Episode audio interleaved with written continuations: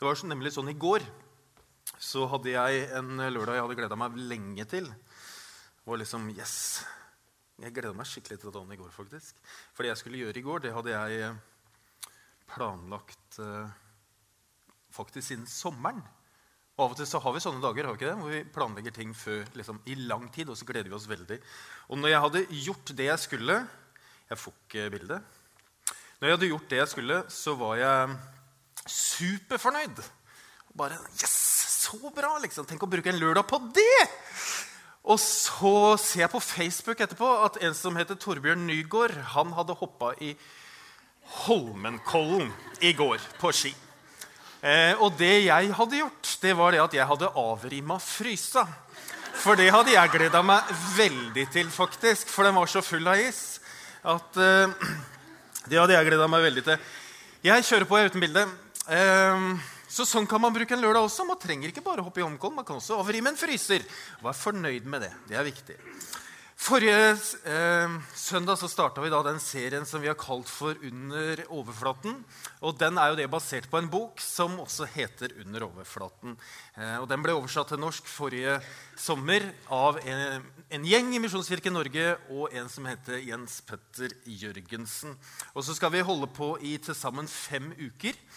Og under disse fem ukene så har du muligheten til å kjøpe Jeg trenger jo ikke fjernkontroll når jeg ikke har bilde. Jeg står og trykker. vet du. Sånn. I løpet av de fem ukene så har du mulighet til å kjøpe boka ute i eh, foajeen. Så kan du si skal vi bli bokhandel nå i SMK, liksom? men du har mulighet til det. Og hvis det går tomt, så kan vi faktisk prøve å sette deg på en venteliste. Og så ser vi om du kan få kjøpt boka. Jeg ser at det blinker bare. Jeg skal la være å henge meg opp i det. Ja. Forrige søndag da, den var metta av innhold for dere som var her. Det var mye da, jeg hører mm ikke sant? Det var mye, det var det. Eh, og Derfor så ligger jo våre taler ute på skjedmisjonskirke.no, hvor du kan høre det igjen. Og nå har vi også fått det så veldig flott, sånn at på podkasten vår ja, podcast hele tiden, men der ligger også oppfølgingsarket, eh, som er da spørsmål som er til hjelp for deg, som du kan ta med hjem eller ta med i gruppe, eller hvor du er. Så det er fint. Den illustrasjonen som dere ikke ser, som er brukt på boken, det er jo et isfjell. Eh, og Jeg er ikke sånn kjempegod på isfjell, men jeg har eh, lært at eh, ca. 10 av et isfjell er synlig, og 90% er det vi da ikke ser. Og de 10%, eller Det ligger under overflaten. Og de 10% i livet vårt, da, hvis vi tenker at livet vårt er som et isfjell, er jo da de 10% det er jo det som er synlig. At vi er snille og oppfører oss fint og er greie og hyggelige og sånt. Og de, resten av de 90% det er jo det vi ikke ser eller det andre ikke ser. Men så kan det jo hende at det som også ligger under overflaten, eh, eh, er det ikke bare andre som ikke ser, men det kan hende at vi faktisk ikke ser det selv heller. Fordi vi har ikke oppdaga det enda, eller vi har ikke lagt merke til det, eller vi har ikke tenkt over det. Eh, rett og slett. Peter Scassero, han som har skrevet denne boka, han sier Se der, vet du. Nei da.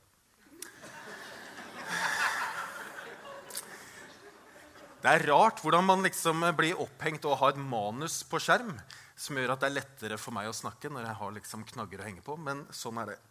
Um, han sier at det er ikke mulig å være virkelig moden eh, dersom vi forblir emosjonelt umodne. Altså, det er ikke mulig å være virkelig åndelig moden dersom vi blir eh, emosjonelt umodne. Og emosjonell modenhet, eller emosjonell sunnhet, handler da om å ta på alvor følelsene våre, relasjonene vi har, våre personlige erfaringer og begrensninger og muligheter som ligger i oss. At vi tar det på alvor. Og I dag skal vi da snakke om, om å kjenne oss selv, så vi kan kjenne Gud. Neste søndag om en uke så skal Solveig Tufte Johansen tale med utgangspunkt i overskriften 'Hvordan gi slipp på fortidens makt og kontroll'. Og Det blir fint. Men i dag skal vi også snakke om å kjenne oss selv, så vi kan kjenne Gud. Det er en kirkefader som heter Augustin, som har sagt 'Hvordan kan du komme nær Gud når du er langt unna deg selv?' Hvordan kan du komme nær Gud når du er langt unna deg selv? Herre, hjelp meg å kjenne meg selv, så jeg kan kjenne deg. Og da ser alle skjermbildet av Mac-en min. Men det å handle nei, Skal jeg hjelpe deg, Benjamin? Den ligger nede på linja, tror jeg. Tror du den er lagt ned, sikkert? Nei. men hvis...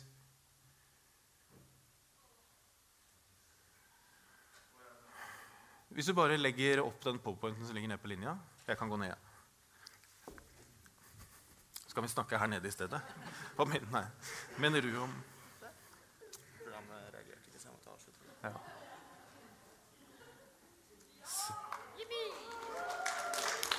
Neste søndag så skal vi intervjue dere som sitter her, om hva dere selv tenker om disse temaene. Der, der, der, der. Ja Det er da en som heter Teresa av Avila. Eh, Hun har sagt dette at nesten alle problemer i det åndelige livet bunner i en manglende selverkjennelse. Altså det å kjenne seg selv. Det handler jo om å vite om, eller ha kunnskap om, eller ha refleksjoner om, eller være bevisst på, eller ta på alvor at vi kommer fra et sted eh, hvor vi har hørt noe, og at vi har i oss noe av det vi har hørt, som noen av oss kaller for stemmer.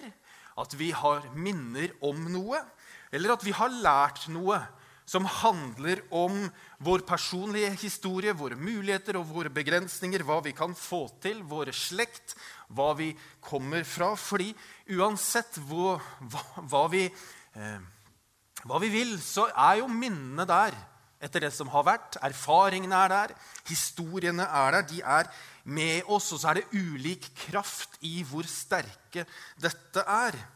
Men spørsmålet er jo, eh, for å komme videre eller for at ikke fortiden skal hemme oss, må vi da gå tilbake og forstå hva de gamle tingene både er og var, for at vi skal lære oss å leve med dem, og for at vi skal ha et sunt eh, perspektiv og sunne emosjoner eller sunne følelser i møte med dem.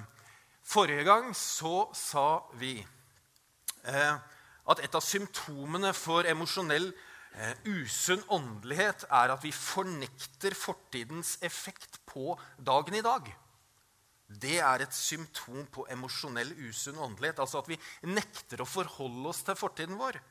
Eh, vi tror kanskje at vi er blitt fri fra den, men så er vi det ikke likevel. Eh, jeg møter jo mennesker som lever med en forestilling om at siden de er blitt kristne og tatt imot Jesus, så er alt det gamle borte. Det lever ikke i dem lenger. Og så er det jo dessverre sånn at Mange mennesker som tar imot Jesus, har en vond fortid. Eh, det kan handle om dysfunksjonelle familiemønstre, det kan handle om alkoholisme, det kan handle om rus, det kan handle om overgrep, det kan handle om å ha vært utsatt for mobbing osv. Og når, også når man kommer inn i et kristent fellesskap, så tror man at alt naturlig faller på plass igjen. At alt da blir bra på magisk vis. Og så ønsker vi jo ikke å se tilbake på det livet vi har levd, hvis det er trøblete. Eller hvis det som har vært bak, er vanskelig. Fordi det har vi jo nå forlatt. Nå har vi jo fått et nytt liv og en ny identitet. Det gamle er borte, se det nye strømmer til, står det jo.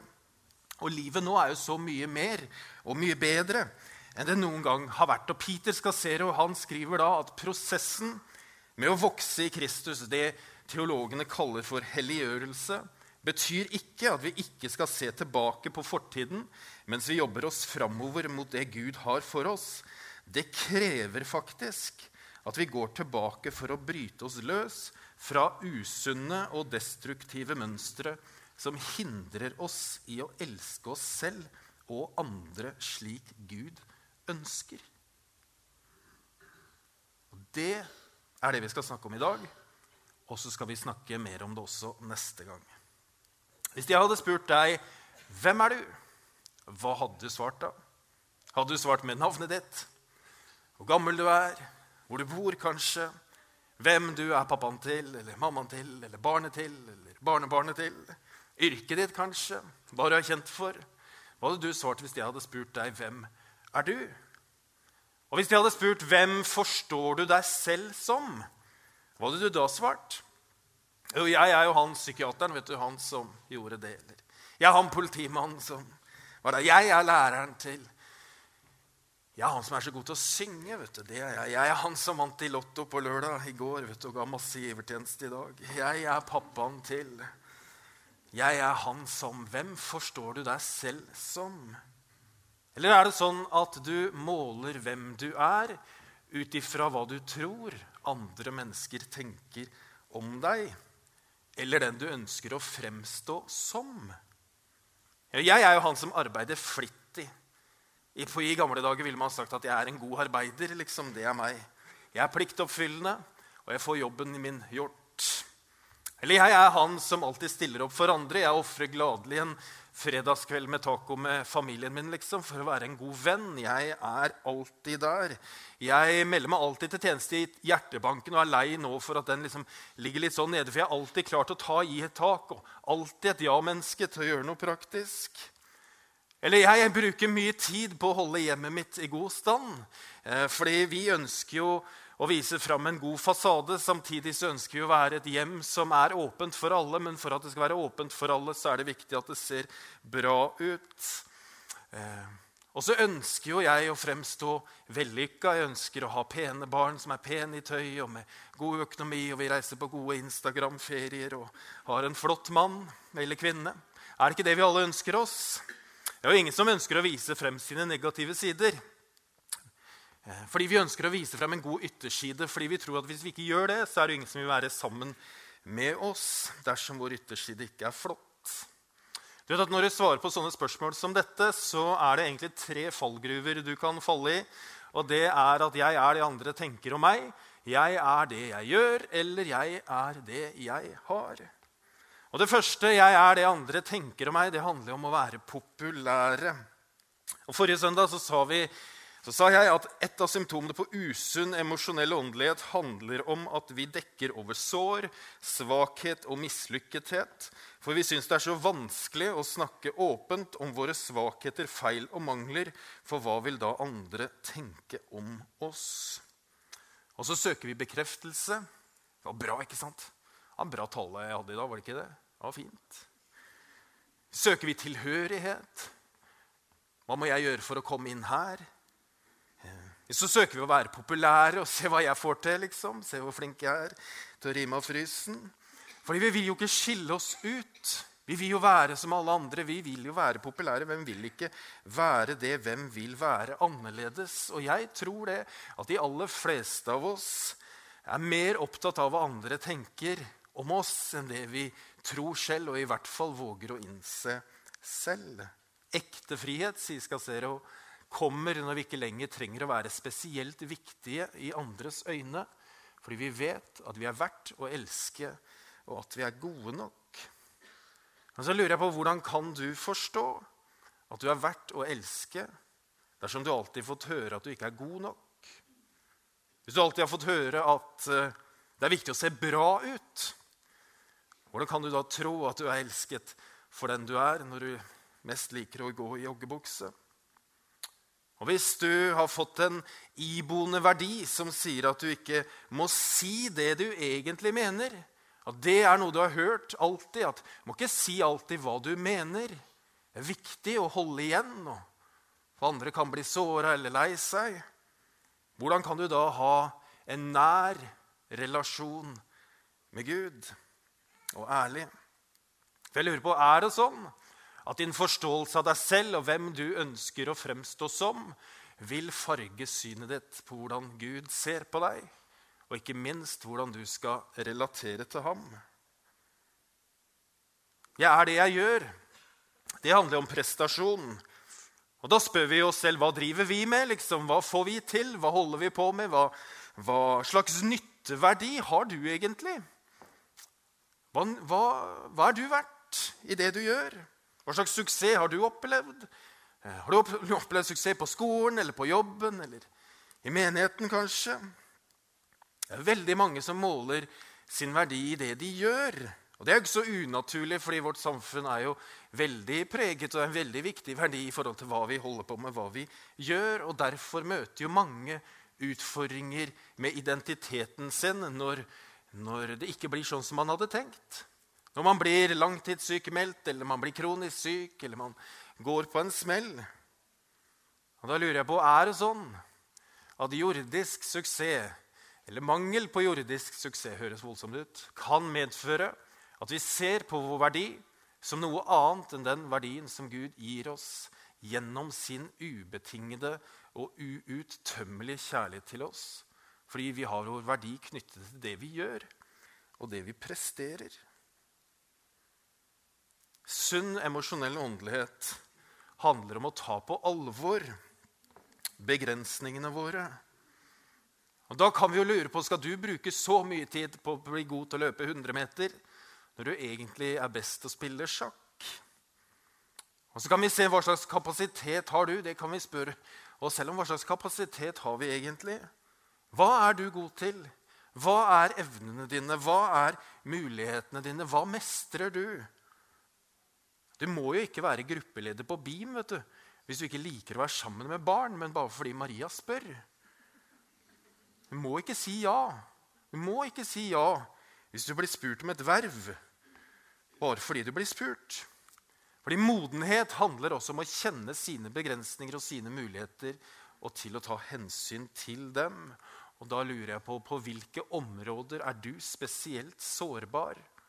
Jeg tror vi alle har noen sårbarheter hvor vi er mer sårbare enn andre steder. Og på hvilke områder er du spesielt sårbar for andres forventninger til hva du skal gjøre?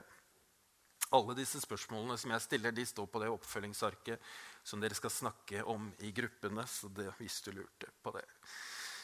Jeg er det jeg har. Eiendeler. Det handler om det vi eier. Og vi bor jo i verdens rikeste land, og vi reiser hit og dit. Og velstanden vår har jo aldri vært så høy som den noensinne har vært. Og vi har jo designmøbler og designkatter og design av det meste. Jeg hørte denne uken at reklamebransjen Jeg vet ikke om det var i USA eller om det var i hele verden, men det høres jo bedre ut hvis vi sier at det bare var i USA. Eh, at de bruker ca. 15 milliarder dollar i året på markedsføring rettet mot barn og unge.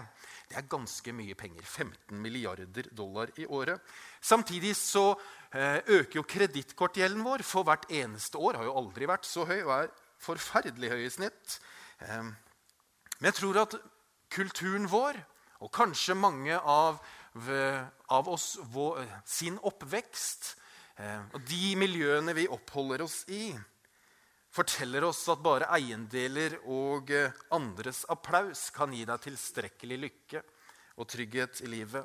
Så sier jo Gud til deg at du er min sønn eller min datter, den elskede. I deg har jeg min glede. Fordi Gud er ikke opptatt av det du eier. Han er ikke opptatt av hvor populær du er.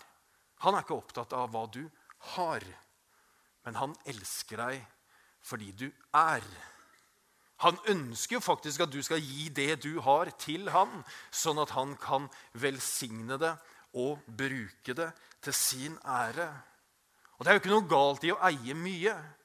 Men spørsmålet er jo når går det til at ikke vi eier, men at det vi eier, eier oss og blir det viktigste for oss.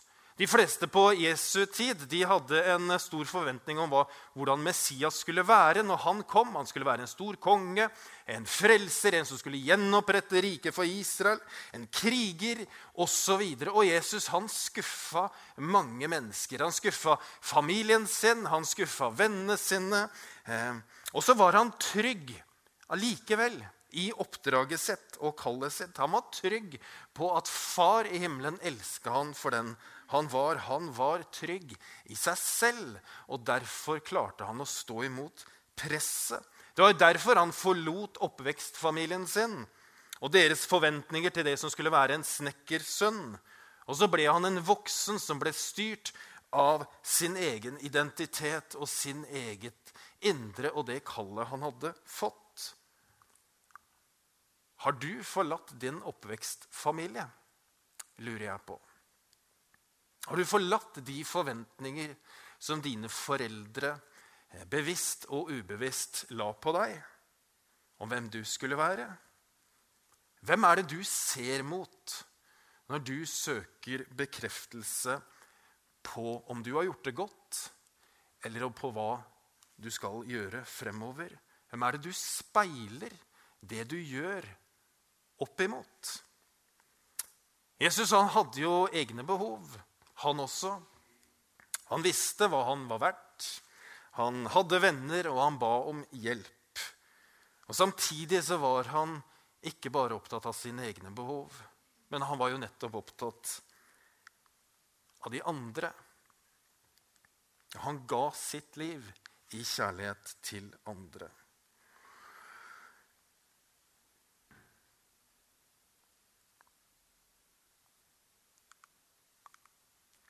Nå skal vi hoppe over et punkt.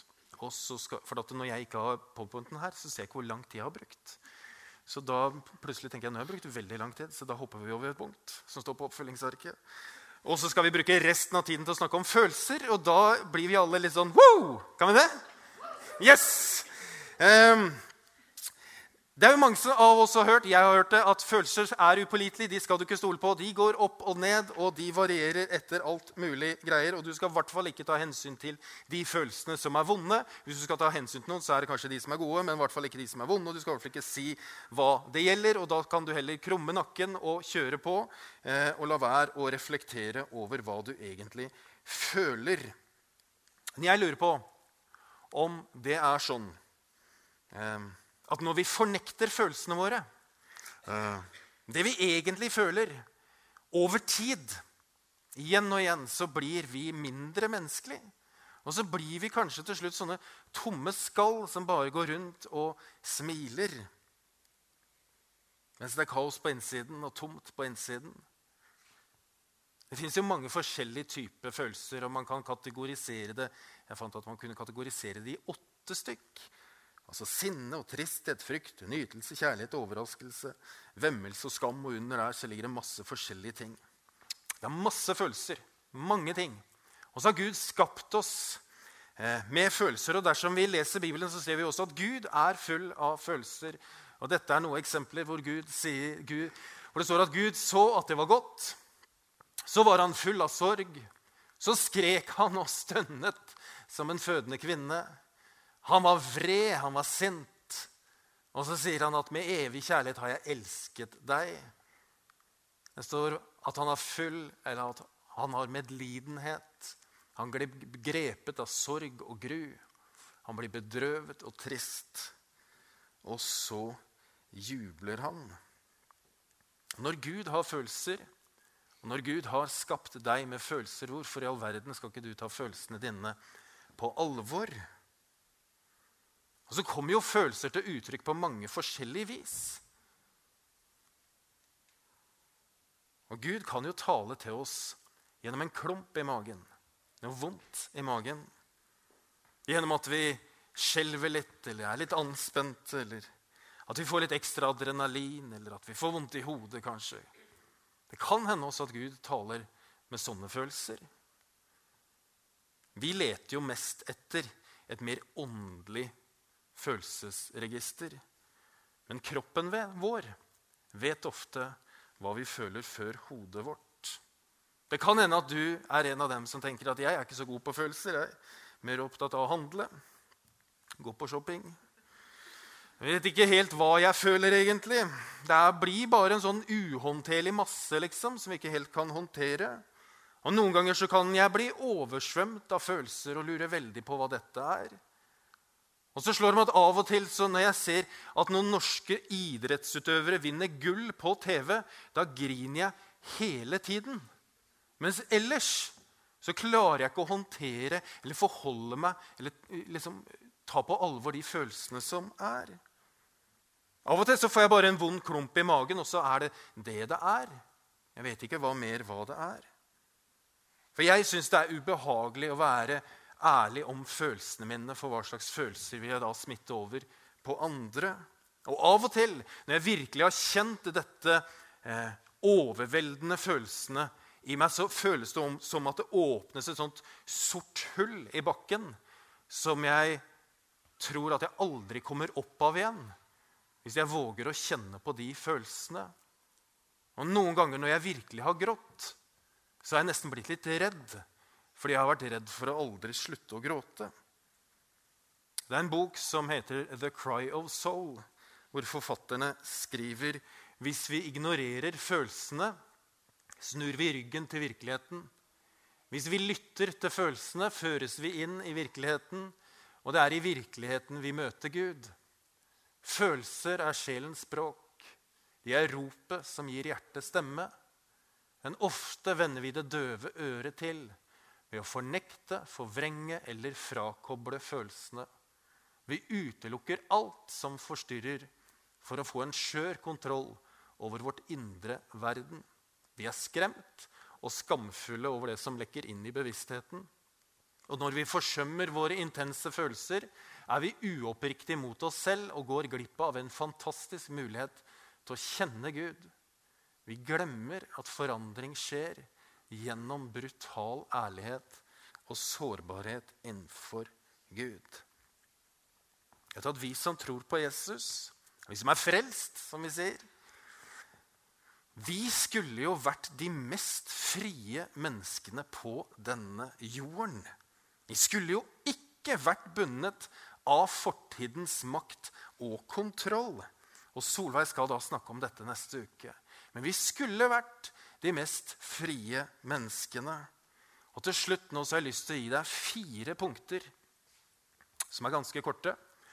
Om, og det er noen tips som Skassero gir oss i kapittel 2 i denne boken om hvordan vi kan bedre eh, kjenne oss selv for å kjenne Gud. Og Det første er å lytte til vårt indre i stillhet og valgt ensomhet. Skasero mener at vi må være alene eh, så vi kan lytte. Og mange av oss, i hvert fall i mitt liv, så er det så mye distraksjoner rundt meg at jeg trenger faktisk å booke en tid i kalenderen min jeg, hvor jeg er stille med Gud og alene. Jeg er helt nødt til det. Eh, men denne stillheten sammen med Gud i valgt ensomhet er egentlig den rødeste tråden i denne boka. Hvis du lurer på hva denne boka handler om, så handler den om å være stille sammen med Gud. Og så kan du si at dette, dette syns jeg er vrient, Martin, og jeg klarer jo å være stille når jeg kjører bil. Um, og så er jeg på en måte stille selv om jeg har noe på øret. Jeg sier jo ikke noe. Uh, og så fins det jo mange måter som uh, du kan være stille på, men det Skasero er veldig tydelig på, er at du er helt stille. At du sitter stille, at du er stille, og at det er stille rundt deg. At du ikke gjør noe. Det var en gammel munk som fikk besøk av en yngre munk som spurte om et råd. og Da sa denne gamle munken til den yngre munken nå ble det mye munk, Han sa, 'Gå tilbake til rommet ditt, så vil rommet ditt fortelle deg alt.' Han fikk et råd, og rådet var gå tilbake til rommet ditt. Vær stille, så vil rommet ditt fortelle deg alt.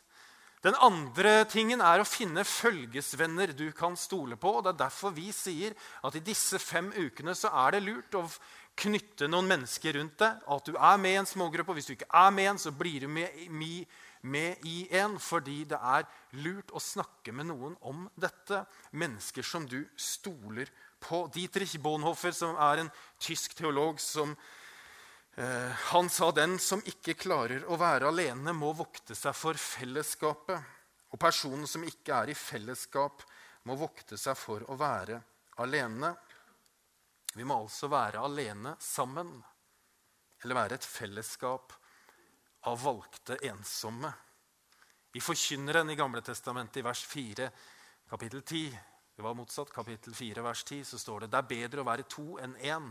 De får god lønn for sitt strev, for om de faller, så kan den ene hjelpe den andre opp. Men stakkars den som er alene. Faller han, er det ingen som kan reise han opp. I dette som vi snakker om nå, disse ukene som handler om denne emosjonelle, sunne åndeligheten og, en, og et modent indre liv, så er det to krefter, kanskje, eh, som er eh, Som kan hindre dette. Og det ene Det er sikkert mer enn det. Men det ene handler om det presset vi har fra andre om å leve et liv som, vi, som ikke er vårt eget.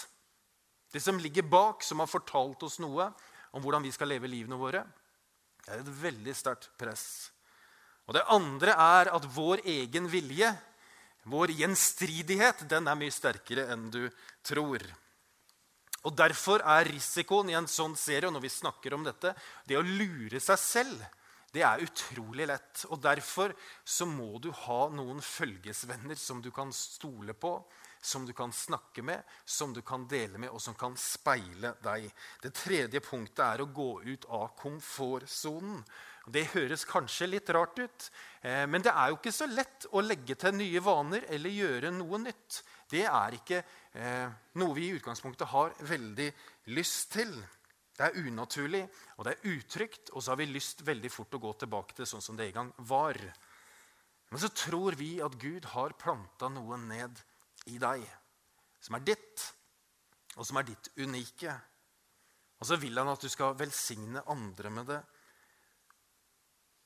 Og så har han lagt det foran deg, så du kan plukke det opp og ta det i bruk.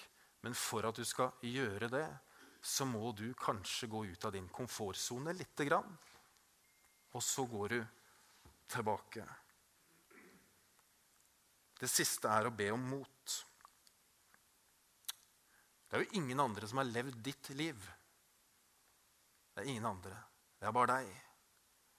Og noen av oss kjenner når vi snakker om disse temaene, at vi trenger mot, faktisk. Til å ta de valgene som er riktige for oss, og som er kloke, og som vi vet at vi skal ta, men som vi er redd for å ta. Og gå ut av denne komfortsonen. Og da trenger vi å be om mot. Og den bønnen om mot starter ved å be Jesus hjelpe meg til å kjenne meg selv, så jeg kan kjenne deg. Skal vi be. Far i himmelen. Takk for at du er her. Takk for at du taler til oss der vi er. Så vet ikke jeg hvor dette lander midt i en rotete fremføring. Men jeg ber om at vi skal ta vare på det som du vil at vi skal ta vare på. Og så ber jeg om at du skal hjelpe oss til å gjøre med det det du har tenkt. Takk, Herre, for at din nåde er uendelig stor. At dette ikke handler om vi er frelst eller ei. Men det handler om at vi kan leve et liv hvor vi har sunne relasjoner og sunne emosjoner, og hvor vi kjenner oss selv så godt at vi tør også å være åpne og ærlige med deg og de rundt oss for hvordan livet vårt egentlig er. Så hjelp oss med det, og vær nådig med oss, Herre. I Jesu navn. Amen.